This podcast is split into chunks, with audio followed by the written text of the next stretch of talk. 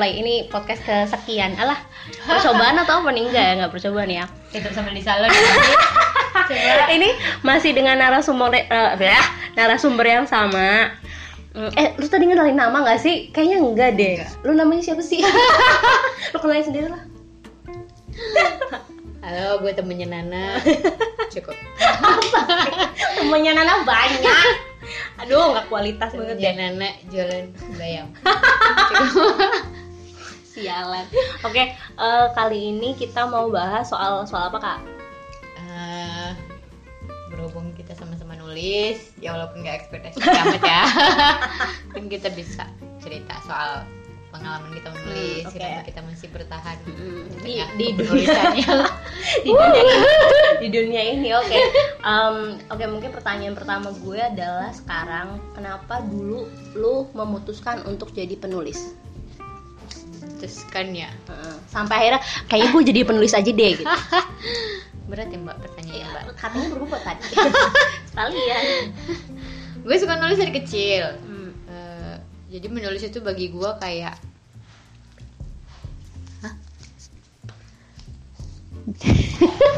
jadi menulis menulis itu bagi gue itu kayak perjalanan spiritual Hmm. gitu loh. Ya walaupun anaknya gue nggak spiritual tapi nggak eh, menulis itu menurut gue dari kecil tanpa gue sadarin itu kayak perjalanan spiritual gitu loh. Masuk ke sebuah tempat yang beda dunia yang beda ketemu makhluk-makhluk yang beda gitu. Unik gitu ya. yang unik yang lucu yang beda dari yang gue temuin di dunia nyata gitu. Nah ketika gue dewasa pun ternyata gue masih butuh tempat-tempat kayak gitu gitu. Jadi eh, daripada gue mencari dunia lain yang kayak ke kafe atau nongkrong yang nggak selalu bikin gue nyaman ya gue bikin dunia gue sendiri dan Jadi dengan menulis itu. dengan menulis. Hmm, gitu. Terus eh, sebenarnya waktu pas lu memulai nulis itu, lu pernah punya ekspektasi nggak sih? Atau kayak harapan nanti kalau gue nulis gue punya buku nih atau eh nanti gue nulis gue ada bakal ada yang banyak kenal gue nih atau gimana? jujur jujur. Awal awal sih iya kan menulisnya sudah cukup lama ya kalau menulis sih sudah dari kecil. Eh, mulai serius itu kuliah sekitar mungkin tujuh tahun lalu kali ya. Ups ketahuan. Umur ya. Tapi sudah tujuh delapan tahun itu sudah ada gitu.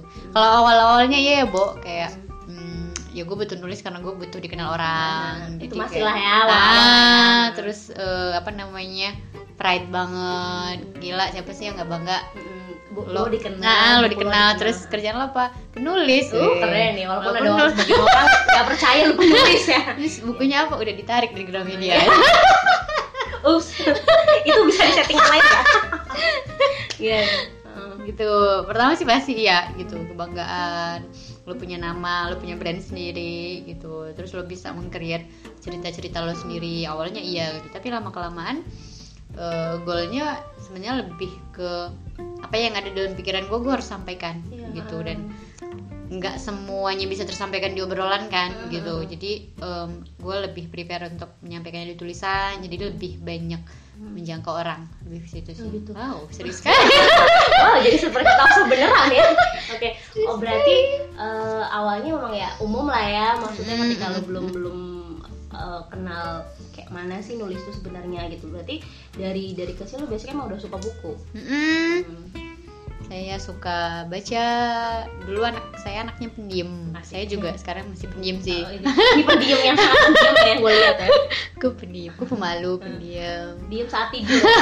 tukang palu dari kecil itu ya aku agak sulit untuk bergaul sama banyak orang gitu jadi em, aku selalu larinya ya buku Hmm. nulis gitu nah gedenya jadi ya Kayak gini. sama gedenya jadi gini gue nggak tetap nggak waras ya Oke.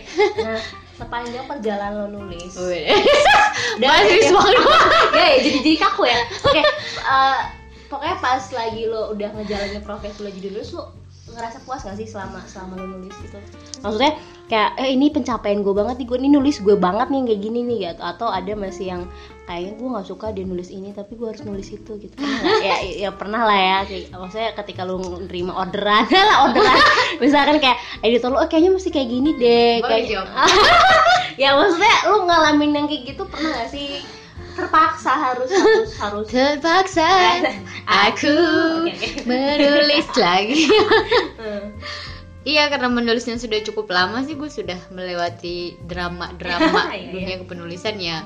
Yang harus menulis sesuai deadline, harus menulis sesuai tema yang sudah di ditentukan, bawah amarah pernah. Di bawah amarah atau eh, editor gue maunya apa, gue maunya apa itu juga sudah pernah gitu. Jadi em, udah macam-macam sih gitu ketemu teman-teman penulis yang seru-seru juga sudah gitu yang apa gue idolakan juga banyak gitu tapi eh, kalau ditanya pencapaian sih eh, sebenarnya gue sudah pernah mencoba menulis banyak genre gitu hmm. dari sastra dari horor dari remaja romance walaupun gagal ya udah udah ya ya semua tapi yang paling gue suka ya sekarang. Sekarang gue lebih fokus untuk nulis buku anak-anak Oke. lebih lucu lebih manis gitu.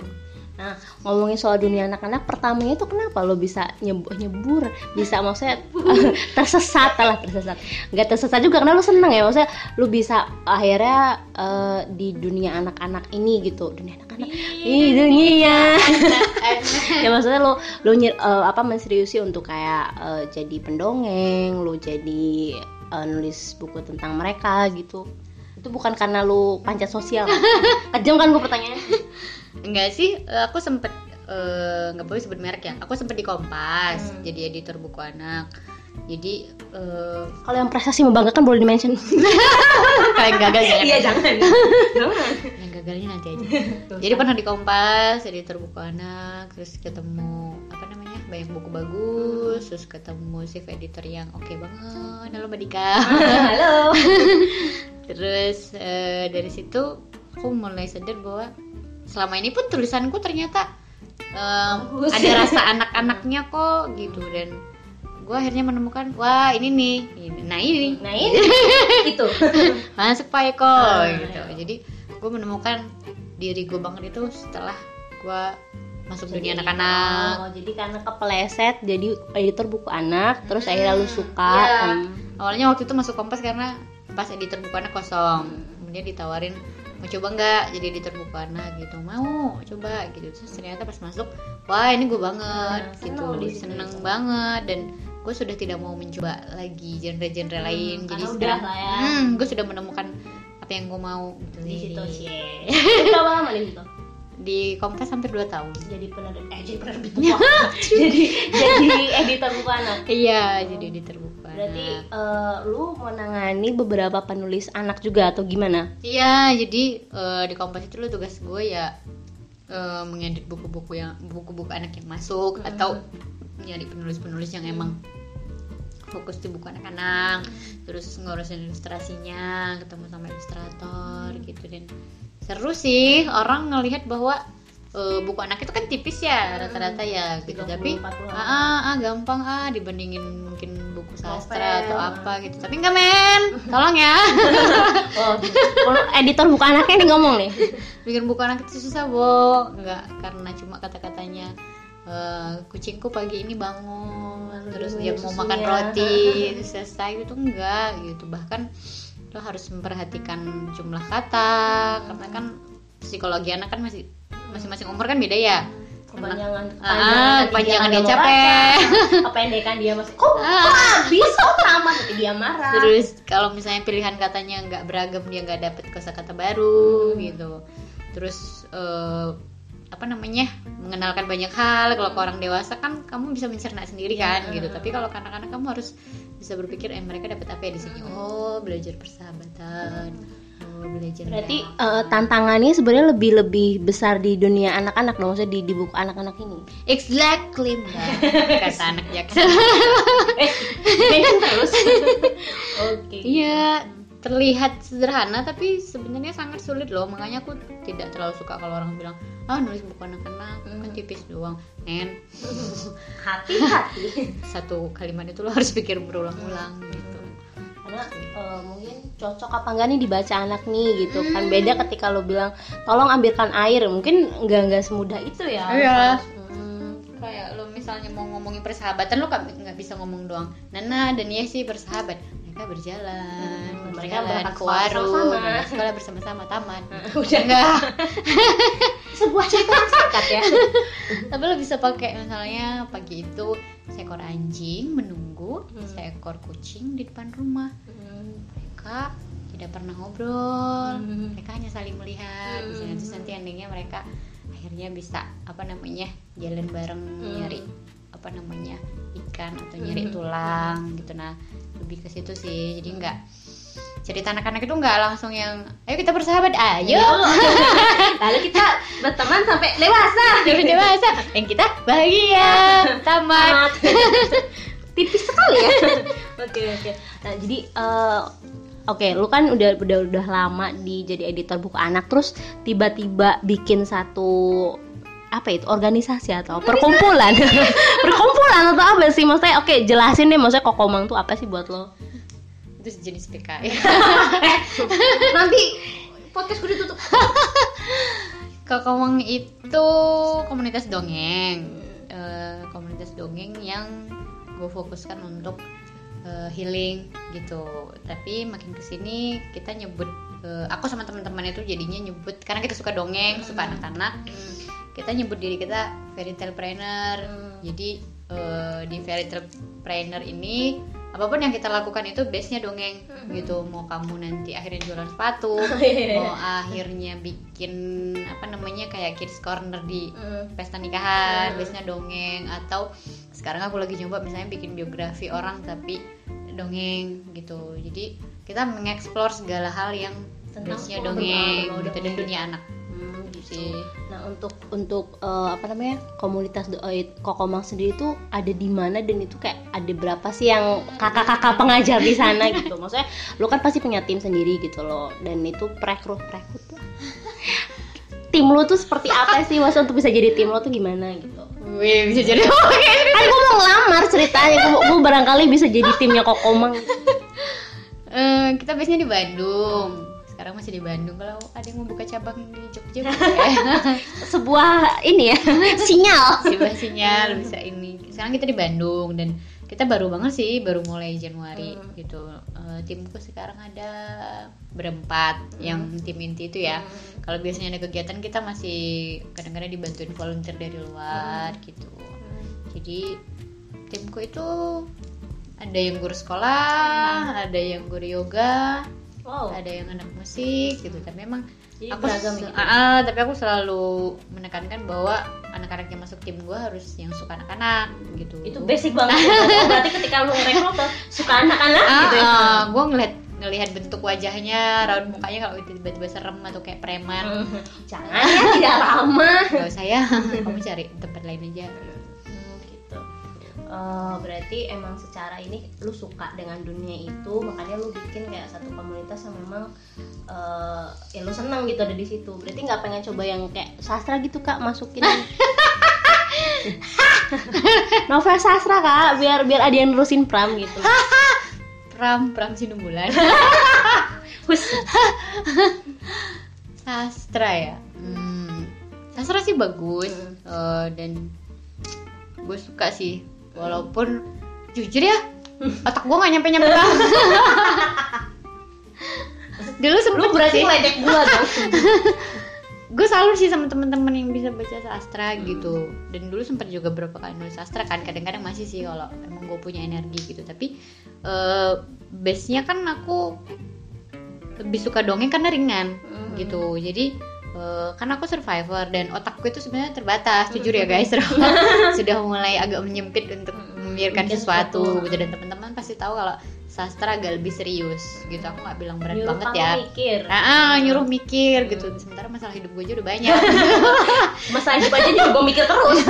Masalah hidup aja udah berat gitu. Dan eh, aku pikir aku pengen tetap di dunia menulis, pengen tetap di dunia literasi, tapi aku cari yang ringan dan gitu. yang sehat untuk Ah, yang masih bukan bisa berarti sastra nggak sehat ya? dicerna sama pikiranku gitu. Dan dongeng itu bagiku kayak memenuhi kebutuhanku soal em, imajinasi yang manis, soal lo nggak perlu mengeksplorasi kesedihan dengan berlebihan Iya, iya. misalnya gitu. Nggak walaupun misalnya gelap kayak Grimm's Brother gitu Hmm. tapi gelapnya mereka pun nggak segelap kalau misalnya sastra dunia yang bunuh diri. beda kali ya. Endingnya sungguh wow tragic. Mati gitu ya. Nggak apa-apa juga sih ada orang-orang yang emang tahan dengan eh, sastra yang seperti itu. Tapi kalau aku sendiri sih yang dark gitu ya?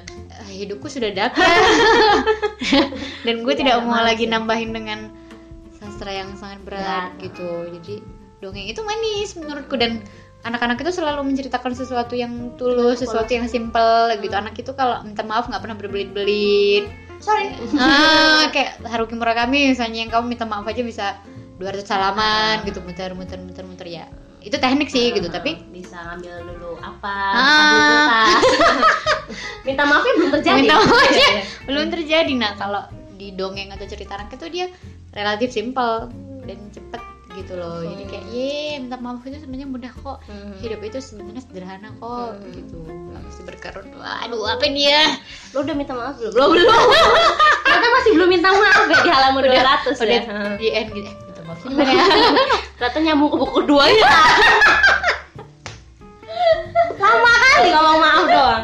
Oke oke. Seru ya. Ini- tapi kita masih ngomongin maaf loh. Lumayan loh. Loh, ya bener maksudnya ya gue juga salut sama orang-orang yang punya teknik seperti itu ketika kayak ngungkapin eh, apa ya perasaan yang kadang di kita lihat tuh ah, biasa gitu. Tapi ketika dia bisa eh, deskripsiin di kata-kata yang sampai berlembar-lembar ini ngomongin jatuh cinta doang loh misalkan Iya, gitu iya. atau eh, ini ngomongin orang lagi duduk berdua di bis dan mereka tuh nggak saling punya keberanian untuk nyapa gitu Iya. kayak gitu. Tuh gue salut sih cuman ya nggak sampai 200 halaman sih kak.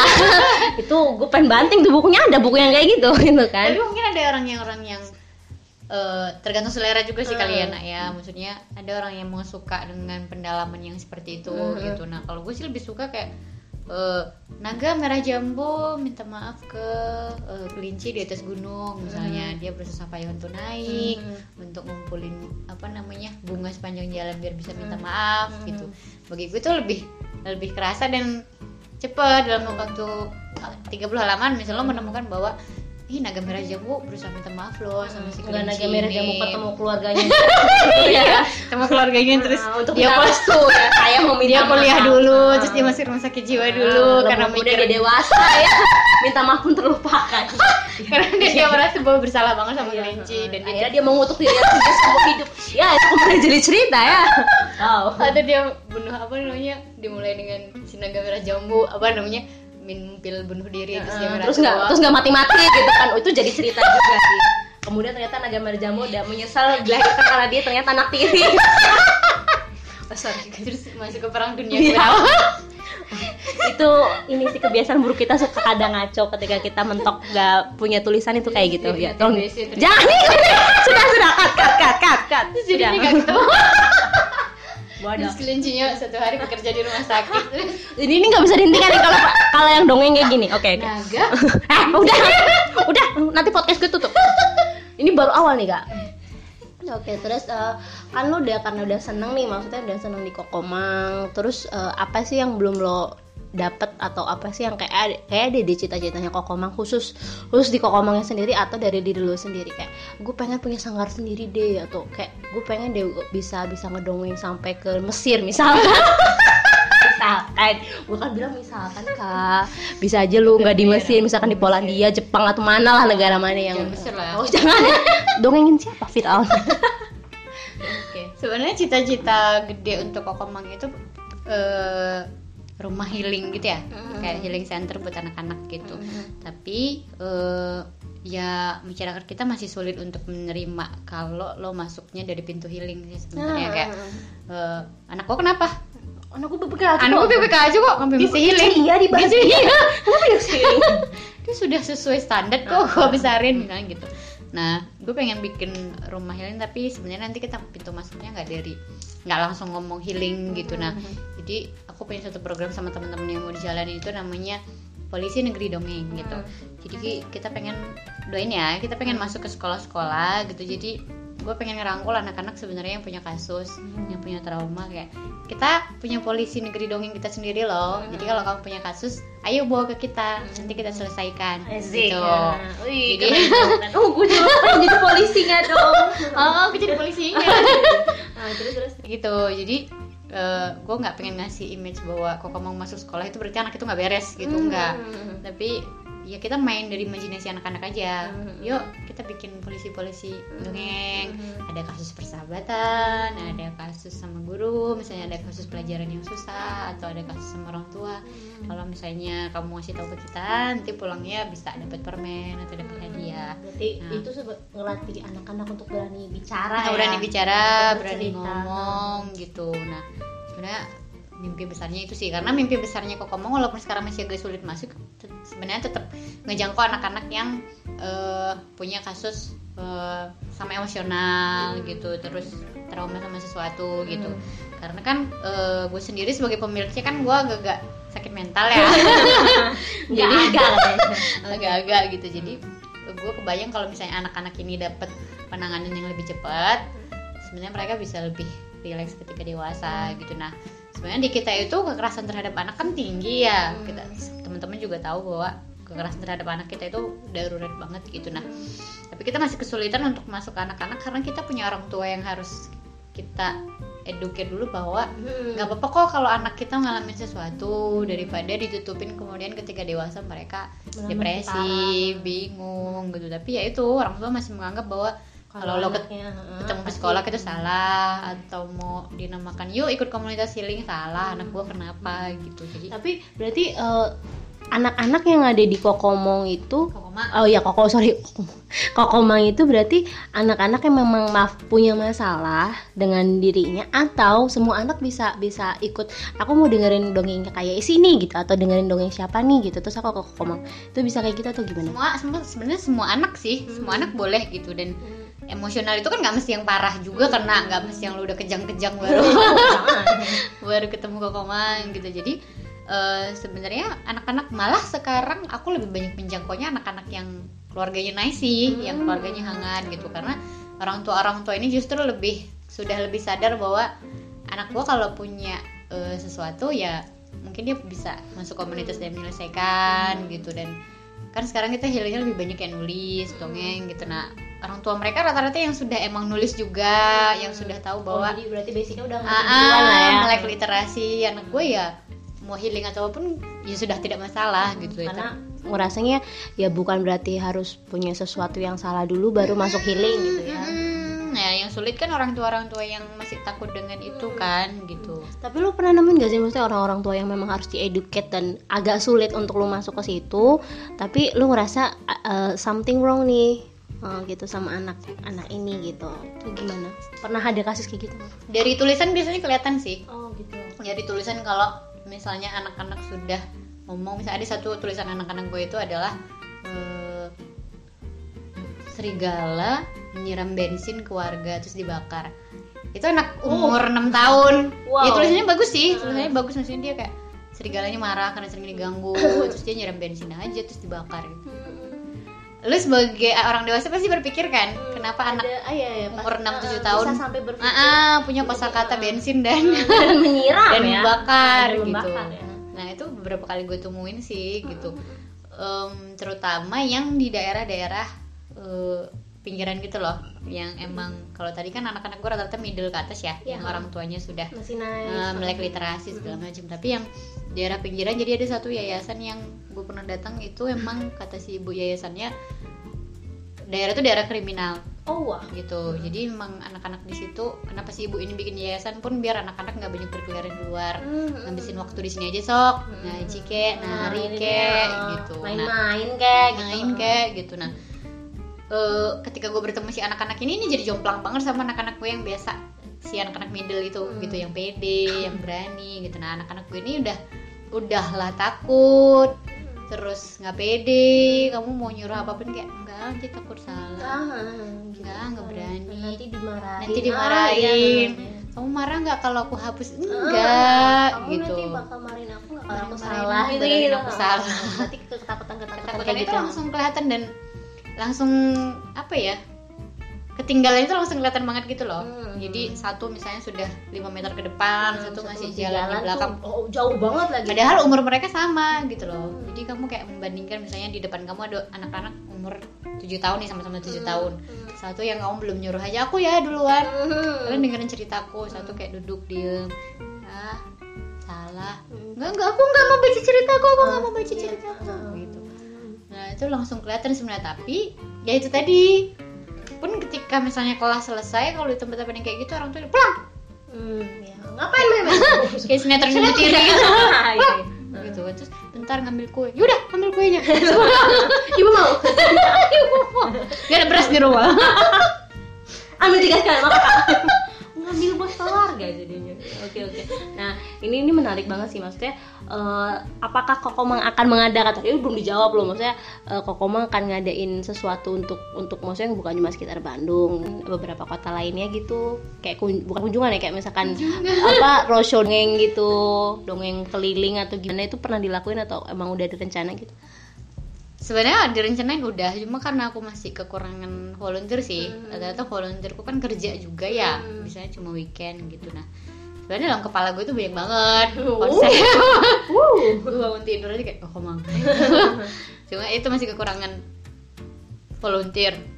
Sebenarnya kalau konsep nggak tahu kenapa sih aku pede aja sih sebenarnya kayak tadi konsep eh, polisi negeri dongeng Hmm. gitu tuh sebenarnya kalau diterapin di sekolah-sekolah itu seru banget loh Iya, gitu heeh. jadi punya keberanian anak eh, untuk tadi temanku mengambil bukuku langsung Iya. ditindak gitu Kasusnya nggak- apa? nggak diem nggak karena mungkin dapat intimidasi dari temen awas lu bilang Iya. gua, ini loh gitu kan biasanya maksudnya dari dari mungkin dari tontonan kita di TV juga kan kayak gitu maksudnya ada ada satu anak yang mengintimidasi anak lain kemudian anak itu jadi nggak punya keberanian terus gedenya dia jadi pembunuh Iya.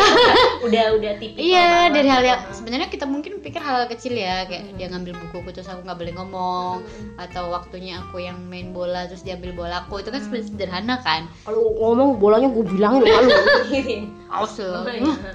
Nah aku kebayang gak sih kayak sekolah kita kebayang gak sih kayak kita punya satu ruangan di sekolah yang lo bisa eh, dari desain dari tempat lo bikin kayak eh, police departemen kayak gitu terus mereka juga aku sih kebayang kayak mereka juga dilibatin untuk menyelesaikan kasus teman-teman mereka Hmm. sebenarnya dari kecil kan ada beberapa orang yang sebenarnya bisa dijadikan teman curhat Iya. kan merasa nggak sih ada teman-teman kecil kita yang Wah, gimana ah. didengar pendengar dan pendengar. kuburan Iya, iya. Nah, aku kebayang kalau kalau sekarang kan kita nyebutnya BP ya, Hmm, tapi tapi- aku tidak melihat bahwa BP sangat menyelesaikan ah, gitu. atau menyelesaikan beberapa Menyelesaikan. kasus yang ada di sekolah gitu Dan terlihat serius. Dia gerbangnya langsung masuk BP loh. Nah, oh nanti lu, lu, lu kena hukuman lu, lu bikin salah apa lu iya ya kayak gitu ya jadi stigmanya jadi berubah menyeramkan ya Iya, benar-benar dan nggak menarik untuk dunia anak-anak. Hmm. Tapi kalau lo bilang, "Yuk kita jalan-jalan ke polisi negeri dongeng." Hmm, kan seru masalah nanti di sana bisa cerita nggak eh, lu masuk BP sana iya, kasih kan. Ah, lu ketemu guru BP sana guru BP nya serem Dia ngambil kayu loh. terus sambil ngayun-ngayunin senjata Rantai. Iya. Jadi kamu punya kasus sama hari ini. kasus. Oke. em, berarti em, misi lo dan visi lo berarti sebenarnya cukup gede ya. Nah, untuk kalau misalkan ada teman-teman ke teman-teman di Bandung atau di luar Bandung nih, tapi masih dekat-dekat Bandung lah gitu, terus pengen, "Ah, aku mau tertarik mau ikut ke kamu gitu. Itu di mana alamatnya atau bisa ngehubungin ke mana gitu, Instagram or something? Nomor HP jangan ya, itu pribadi soalnya itu DM aja nah, itu masih aman. Udah, Mbak ini ngerti sekali. Bisa langsung ke Instagram kita kokomang underscore atau bisa DM juga. Di situ bisa lihat-lihat juga kegiatan kita kalau tertarik. Pasti tertarik sih seru banget. Tapi free atau ada Free HTM? free masih yang penting ya. punya hati ya. Oh, guys. ini ma- kebutuhannya masih melayani Tuhan ya. melayani sesama Oke oke, ini seru banget tapi gila udah mau kita ngomongin kok emang keren banget sih tapi salut banget gue emang lo kak. Maksudnya bisa uh, punya punya punya sebuah uh, misi yang gede dan apa ya mungkin sebagian orang cuma punya apa ya niat itu dalam pikiran tapi nggak bisa ngerealisasiin. Tapi lo realisasi dulu. Lo pasti berjuang awal banget tanpa tim ya? Iya. Dia curhat. dia jadi curhat. Oke dan kita akan maklumi semua itu ketika dia bikin buku. Lu mesti bikin buku deh kayak. Itu itu dongeng di, dongeng pendirinya kokomang gitu deh iya. Kayak bakal seri. nanti bisa lihat dongeng-dongeng gue juga. Nah, ada itu baru dijual. Ada, ada linknya di uh, kokomang oke. Oke. Beda. Ah, ya oke thank you kak. Sebelum gue curhat lebih panjang. Sebelum dia surat lebih panjang kita sudahi dulu sampai ketemu di podcast nanti lah ya. Terpaksa gitu. Oke dah. Dadah